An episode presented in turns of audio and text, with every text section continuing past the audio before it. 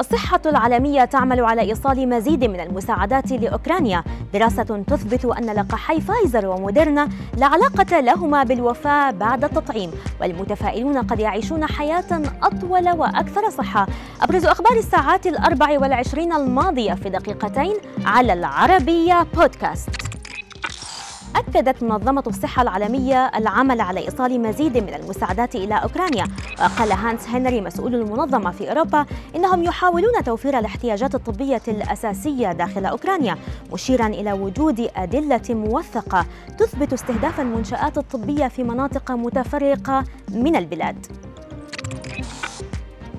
خلصت دراسة علمية عن الآثار الجانبية للقاحات كورونا في الولايات المتحدة إلى عدم وجود صلة بين اللقاحات وعدد الوفيات بعد التطعيم. وقالت مراكز السيطرة على الأمراض والوقاية منها إن 92% من الآثار الجانبية المبلغ عنها بعد الحصول على لقاحي فايزر وموديرنا كانت خفيفة. وكان قد تم الإبلاغ عن وفاة نحو 4500 شخص بعد حصولهم مباشرة على اللقاح في أمريكا حتى يونيو من عام 2021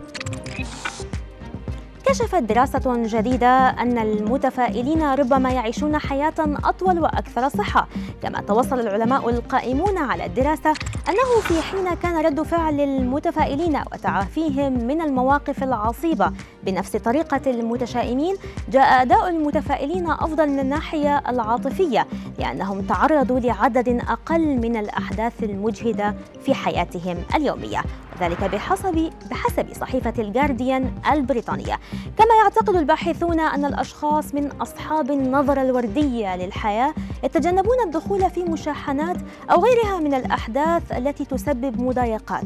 وكشف الباحثون أن المتفائلين قد يتعافون بسرعة أكبر من المتشائمين ويعودون إلى الحالة المزاجية الجيدة بشكل أسرع بعد أي حدث مرهق.